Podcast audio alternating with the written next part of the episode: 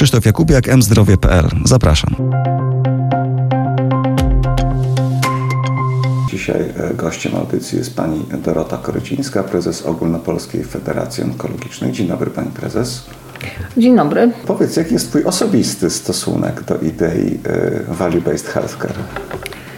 E, to jest niedościgniony w tej chwili jeszcze ten rodzaj opieki zdrowotnej, który w wielu krajach jest prowadzony, w Polsce jeszcze daleko ze względu na różne do okoliczności. Mam tutaj na myśli e, zarówno niedobory finansowe, jak i niedobory kadrowe. Ale do okoliczności to jeszcze przejdziemy. Najpierw Dobrze. Twój osobisty stosunek. Lubisz ten pomysł, żeby system ochrony, ochrony zdrowia był oparty na wartości, a nie na pieniądzach albo na czymkolwiek innym, na kadrach? Oczywiście, że tak. To jest szalenie istotne. Ja jeszcze prowadzę drugą organizację pacjentów, e, pacjentów z chorobami rzadkimi, ultrarzadkimi. Nazywają się neurofibromatozy. I myślę, że w tych schorzeniach szczególnie właśnie widać, e, jak bardzo potrzebna jest medycyna oparta na wartościach, czyli ten, e, ta medycyna, która bierze pod uwagę wszystkie uwarunkowania i potrzeby pacjenta nie tylko zdrowotne i nie tylko kliniczne, ale również mające na celu poprawę jakości życia poczucie zaopiekowania przede wszystkim. A cóż to jest jakość, jak mawia klasyk? jakość bo, życia. Bo, bo, wartości rozumiem. No, wartości rozumiem, zaraz będę ci wiercił dziurę brzuchu, żebyś powiedziała, co to, czy, co, co to jest wartość dla pacjenta najważniejsza. Mm -hmm. Ale najpierw zadumajmy się nad jakością. Nad, e, jakość życia pacjenta, tak? Ja w ten sposób to rozumiem, że ten pacjent. E, w zależności od tego, jaki ma stan zdrowia, w przypadku chorób rzadkich, które są nieuleczalne, ma to poczucie opieki, poczucie troski, poczucie tego, że jeżeli jest możliwość jakiejkolwiek reakcji medycznej, działania medycznego, to tą możliwość uzyska, gdzie są brane pod uwagę również jego uwarunkowania życiowe jego możliwości finansowe, co jest bardzo ważne, dostępność do lekarza, bo nieuleczalność nie oznacza tego, że pacjent nie może być pod opieką zdrowotną, prawda? W przypadku chorób populacyjnych również te same wartości się liczą, czyli na przykład dostępność. To jest e, jakość życia. Inaczej wygląda sytuacja. Ja często mówię o nierównościach w zdrowiu i tutaj też chcę je podkreślić. Inaczej wygląda sytuacja osoby, która mieszka w dużym mieście i potrzebuje się udać do lekarza i to zrobi w ciągu pół godziny, nawet e, komunikacją miejską. A w innej sytuacji jest ktoś, kto mieszka daleko od ośrodków i żeby zdrowotnych, medycznych i żeby dostać się do lekarza musi na to przeznaczyć na przykład cały dzień. I w tym momencie tacy ludzie muszą dokonywać wyborów albo na przykład zrezygnować z opieki zdrowotnej, więc ich stan zdrowia się pogarsza, albo korzystają z pomocy medycznej, ale y, ogromnym kosztem czasowym, często też finansowym. Więc jakość życia chorego człowieka polega również na tym, żeby miał dostępność w zakresie swoich możliwości maksymalną. No i teraz y, zakładając, tak. że potrafimy tak zorganizować system ochrony zdrowia, że pacjent dostanie się do lekarza, będzie miał jakąś wykonaną tak zwaną procedurę, czy otrzyma jakąś opiekę, to gdzie jest ta wartość? Na czym polega filozofia oparcia systemu na wartości, a nie na czym innym? Na tym, żeby ten pacjent nie otrzymał procedury, bo język ma znaczenie, żeby ten pacjent nie był świadczeniobiorcą, żeby ośrodek medyczny nie był świadczeniodawcą, e, żeby lekarz, który chce zapewnić temu pacjentowi możliwą, zgodnie z własną wiedzą medyczną, opiekę zdrowotną, nie musiał patrzeć tylko i wyłącznie na, koszt, na koszty, które są w tym momencie szalenie istotne, natomiast mógł spojrzeć na tę wartość, którą dobra opieka medyczna przyniesie pacjentowi nie tylko tu, ale również w przyszłości. Czyli podkreślasz tę wartość taką długofalową. Ale jeszcze zatrzymajmy się chwilkę przy tej idei kosztów i pieniędzy, no bo można wydać dowolne pieniądze mhm. na opiekę, a niekoniecznie ta opieka będzie miała sens, czy przyniesie cel, czy przyniesie efekty, których, których oczekujemy. Czyli rozumiem, że ta cała idea value-based healthcare, o, o, moim zdaniem, opiera się na optymalnym wydaniu pieniędzy, tak aby te pieniądze wydawać za faktyczny efekt, a nie tylko za coś, że coś zostało wykonane, tak? Musimy sobie zdefiniować, coś takiego jak inwestycja w zdrowie. I co jest tą inwestycją? Czy my w Polsce traktujemy inwestycję jako wydatek, jako koszt, czy właśnie jako wartość na przyszłość? Dzisiaj możemy więcej zainwestować po to, żeby te efekty i również te koszty w przyszłości się zmniejszyły, prawda? Jeżeli damy dzisiaj e, pacjentowi optymalnie dobrą opiekę, to nawet jeżeli ta opieka, powiedzmy, to słowo świadczenie, tak, e, będzie droższe, to ono przyniesie efekty jakościowe i wartościowe w przyszłości. Czyli pacjent lepiej leczony nie będzie wracał do leczenia, będzie mógł wrócić do pracy albo na przykład uniknie niepełnosprawności, prawda? E, będzie mógł założyć rodzinę, będzie mógł e, płacić składki. Jeżeli zaczniemy patrzeć na system ochrony zdrowia pod kątem inwestycji, a nie kosztów, to będziemy widzieli tą przyszłość pacjenta i to będzie wartość tak naprawdę dla wszystkich i dla tego pacjenta, ale również dla systemu. Tylko, że wyjściowo trzeba prawdopodobnie e, wyłożyć na to trochę więcej pieniędzy. A czy pacjent w ogóle powinien się przejmować e, pieniędzmi? No bo co znaczy pieniądze? No zdrowie, zdrowie jest bezcenne, zdrowie jest największą wartością. Pacjent powinien dbać o to, żeby dostać odpowiednią opiekę, a pieniędzmi powinien się zajmować kimś, ktoś inny. W tej chwili mamy taką sytuację, że pacjenci są ogromnie sfrustrowani, ponieważ mówią o pieniądzach w tym kontekście, że mówią, że płacą podatki. A finał bywa taki, że korzystają z prywatnej opieki zdrowotnej albo dopłacają też ogromne pieniądze do leczenia. Mamy całe mnóstwo zbiórek publicznych i ja nie chcę mówić o tych zbiórkach, które są często też naciągane, ale mówię rzeczywiście o tych zbiórkach, w których na przykład są terapie, tak jak jest w onkologii, dostępne w Europie, a nie ma ich w Polsce. I pacjenci, żeby uzyskać dobre leczenie, muszą na to zabrać pieniądze. Czasami to jest 20 tysięcy, a czasami to jest 100 tysięcy. Podobnie wygląda rehabilitacja, prawda? My zapominamy o tym, że rehabilitacja jest leczeniem. Dostęp do rehabilitacji jest szalenie ograniczony. A to jest właśnie przykład dobrej inwestycji, prawda? Bo pacjent odpowiednio zrehabilitowany dzisiaj odzyskuje sprawność albo nie pogarsza mu się stan zdrowia na tyle, że on może normalnie funkcjonować, żyć, pracować, funkcjonować w społeczeństwie. Mało tego, nie musi zażywać dużej liczby ilości na przykład leków przeciwbólowych, tak? ponieważ leczenie rehabilitacyjne zniweluje bardzo dużo problemów zdrowotnych.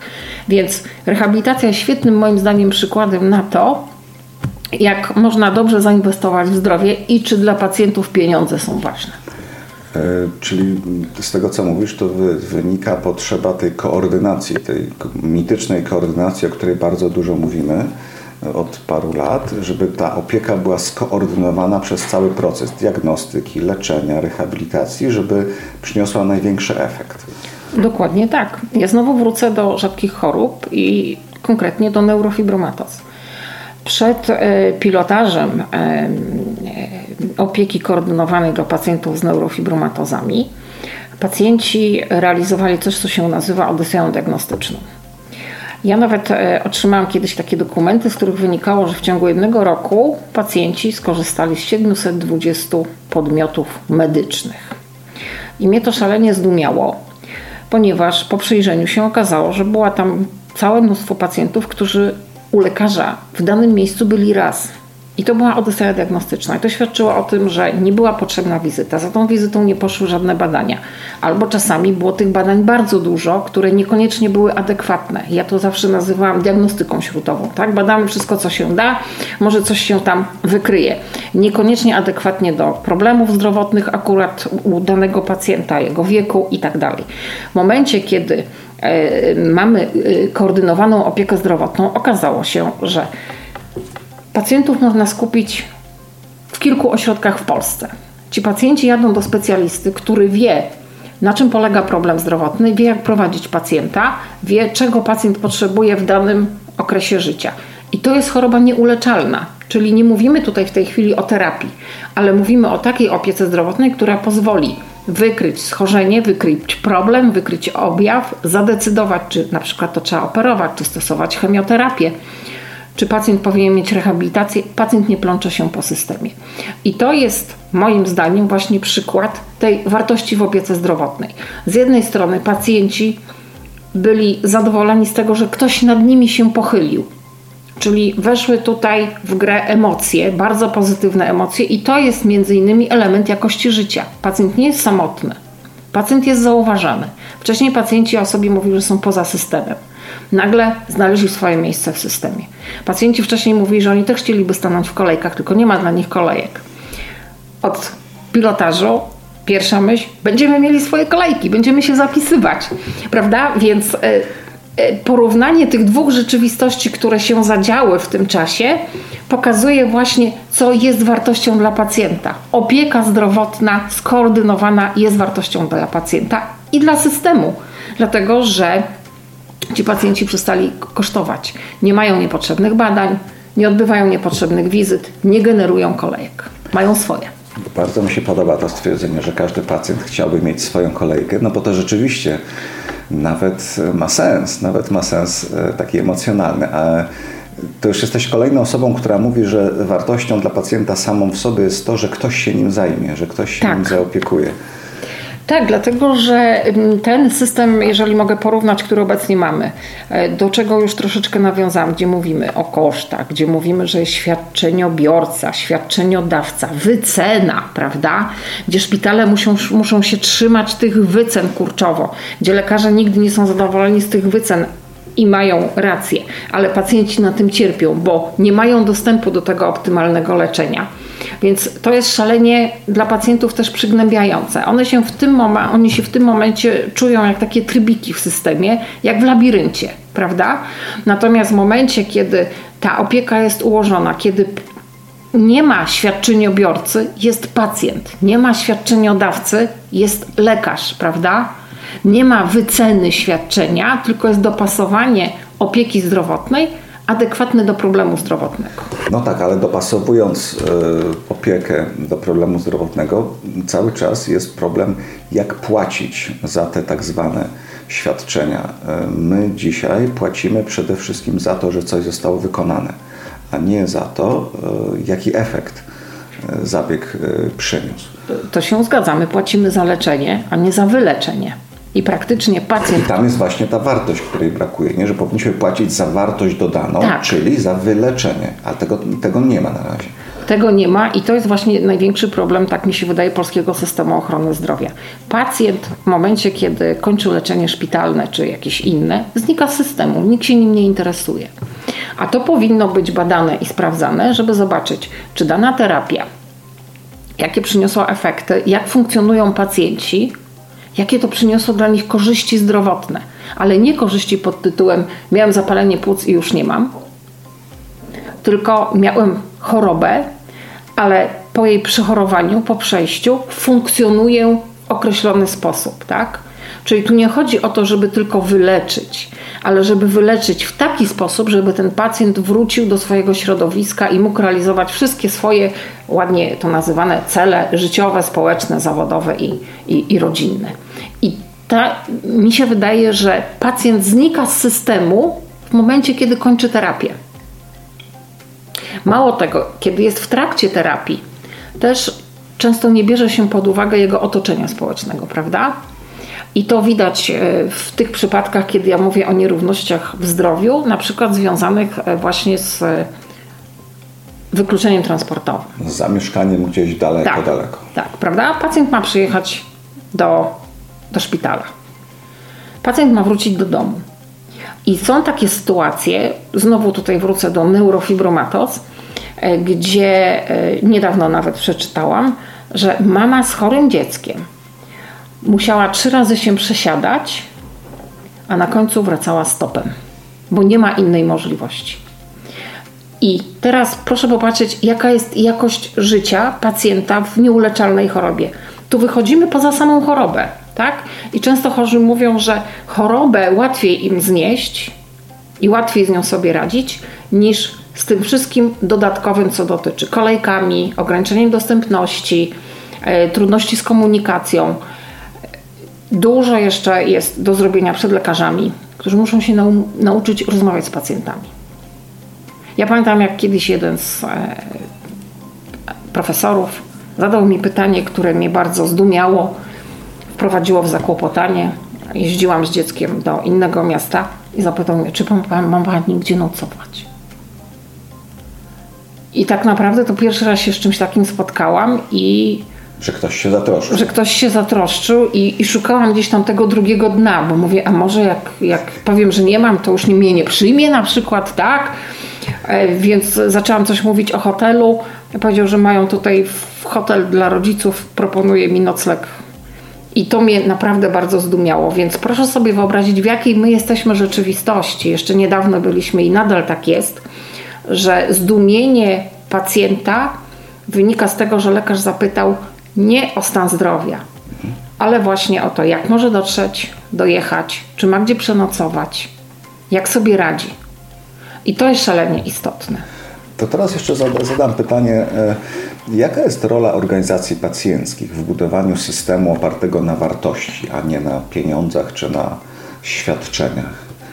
No to jest bardzo trudne pytanie, bo przy naszych niedoborach w dostępie do terapii lekowych organizacje pacjentów też skupiają się bardzo często na tym, żeby jednak ta dostępność do terapii była. Oczywiście to jest działanie i krótkofalowe, i długofalowe, bo wiemy, że jeżeli wejdzie dana terapia, dany lek do systemu, to on już tam zostaje, więc konkretna grupa pacjentów ma to odpowiednie leczenie, prawda? W związku z tym realizuje się wartość dostępności do leczenia, która jest szalenie ważna.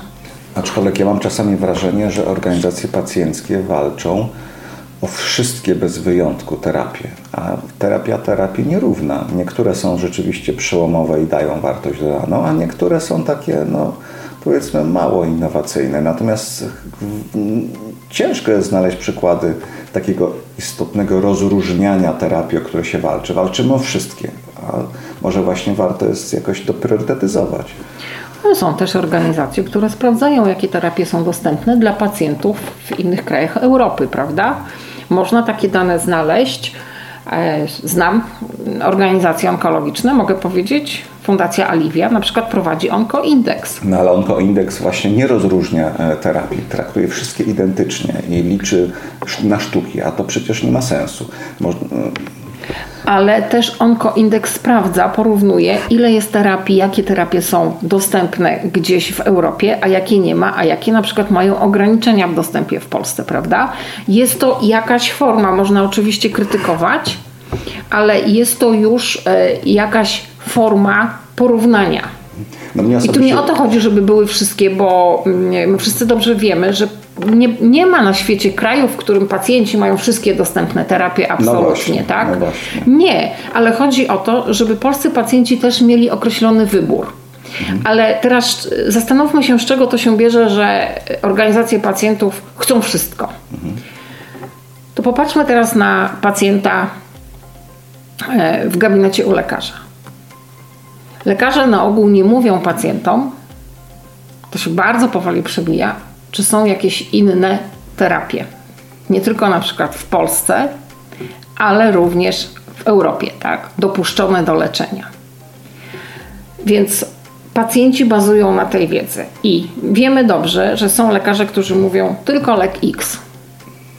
A pacjent później się dowiaduje, że w innym szpitalu jest lek Y, a później szuka w internecie i znajduje, że w Europie jeszcze jest Z i i kilka innych. I w tym momencie pacjent czuje bardzo duże ograniczenie. Mało tego, nie ma kogo zapytać, czy ten lek Z w innych krajach, czy te inne jeszcze leki, jakie one tak naprawdę są, czy by się nadawały do niego. Pacjent myśli tak: mam raka piersi, tu mi dają to, a we Francji mają to i to i to, prawda? Gdyby pacjent w gabinecie u lekarza na wizycie usłyszał, że mogę pani zaoferować to albo to. Działania będą takie. Skutki będą takie. W pani wieku proponuję tak. Albo na przykład ta terapia wymaga częstych kontroli, a ta terapia wymaga rzadszych kontroli. To pacjent bierze pod uwagę swoje miejsce zamieszkania, cały szereg innych uwarunkowań, wychodzi z jakąś informacją. I teraz e, działania organizacji pacjentów, które się skupiają na tym, żeby były wszystkie leki, wynikają moim zdaniem, są pochodną tego, że nie otrzymujemy informacji w gabinetach u lekarzy. Gdyby ta informacja była, i znowu wracamy do wartości. Wartością jest również pełna informacja, rzetelna, uczciwa i pełna informacja. To na koniec jeszcze jedno pytanie. Gdybyśmy chcieli rzeczywiście w Polsce budować system ochrony zdrowia oparty na wartościach, to od czego należałoby zacząć? Gdzie są obszary, w których można to zrobić najszybciej, najprościej, w których to jest najbardziej potrzebne, jak uważasz? Zacznijmy od. E, ale jest bardzo wiele elementów, które. Pytanie tak szerokie, przepraszam, że się śmieję, e, ale trudno znaleźć odpowiedź. No możemy zacząć od dostępności, tak? Czyli żeby ten pacjent miał dostęp. I bierzemy pod uwagę na przykład e, wykluczenie transportowe. Są kraje, w których pacjenta się po prostu wozi do lekarza. Ja nie widzę tutaj nic, nic w tym złego. Jeżeli pacjent nie może sam dojechać, to może lekarz powinien do niego dojechać. Nie wiem, trzeba poszukać rozwiązań. Wiem, że na przykład e, we Francji, nie wiem czy w całej Francji, ale e, e, kobieta, która choruje na raka piersi, może sobie wybrać, czy, czy, o, czy będzie w szpitalu się leczyć, czy jeżeli jej stan zdrowia oczywiście na to pozwala, może mieć zainstalowany szpital w domu. Przyjeżdża pielęgniarka, przyjeżdża lekarz. Jeżeli nie ma warunków, to może być w szpitalu, mieć podawaną chemioterapię. Jest to możliwe, prawda? I jest to wybór pacjenta. I znowu, to, to jest wartość, dlatego że się bierze pod uwagę wszystkie uwarunkowania życiowe pacjenta. E, druga rzecz, która w Polsce absolutnie leży, to jest ta inwestycja w zdrowie, czyli profilaktyka. No mamy tak fatalną, niską zgłaszalność na profilaktykę, że dosłownie ręce opadają i nie możemy się z tą profilaktyką ciągle przebić. Ciągle się o niej mówi, wszyscy mają dobre chęci, a nic z tego nie wynika, prawda? To jest też inwestycja. Więc jeżeli mówimy o tym, co możemy poprawić, to zacznijmy od pytania, w co można zainwestować. Ale zawsze musimy pamiętać o tym, że niektóre inwestycje będą, zyski z tych inwestycji będą odroczone w czasie. Dzisiaj inwestujemy w edukację i w profilaktykę, zyski będą za 10 lat. Co można zrobić szybko? Szybko uważam, można dowieść pacjenta do lekarza. No i żeby ten pacjent miał zagwarantowaną terapię taką, jaką potrzebuje, żeby czuł się zaopiekowany i tak. poinformowany. I żeby ta terapia nie była dopasowana do pacjenta pod względem na to mamy pieniądze i to możemy pacjentowi dać, tylko żeby, ta była żeby to była terapia, która weźmie pod uwagę, że z tej terapii najlepiej pacjent skorzysta prawda? Czyli będzie najwięcej wartości. Najwięcej wartości, dokładnie tak. Za, za, za określoną pulę pieniędzy. Ja uważam, że można dużo zrobić, ale zacznę od początku. Mamy problemy kadrowe, mamy problemy finansowe i będzie tak długo, jeżeli nie zaczniemy myśleć o zdrowiu jako inwestycji. No to zacznijmy myśleć o zdrowiu jako inwestycji. Myślę, że e, ten głos jest ważny i decydenci, którzy nas, nas przypadkowo słuchają, być może wezmą to pod uwagę. Nigdy nie wiadomo, tu się uśmiechamy oboje z nadzieją. Bardzo dziękuję za rozmowę. E, gościem czy gościnią dzisiejszej audycji była Dorota Korycińska, prezes zarządu Ogólnopolskiej Federacji Onkologicznej i również Stowarzyszenia Neurofibromatozy Polska. Bardzo dziękuję. Dziękuję również.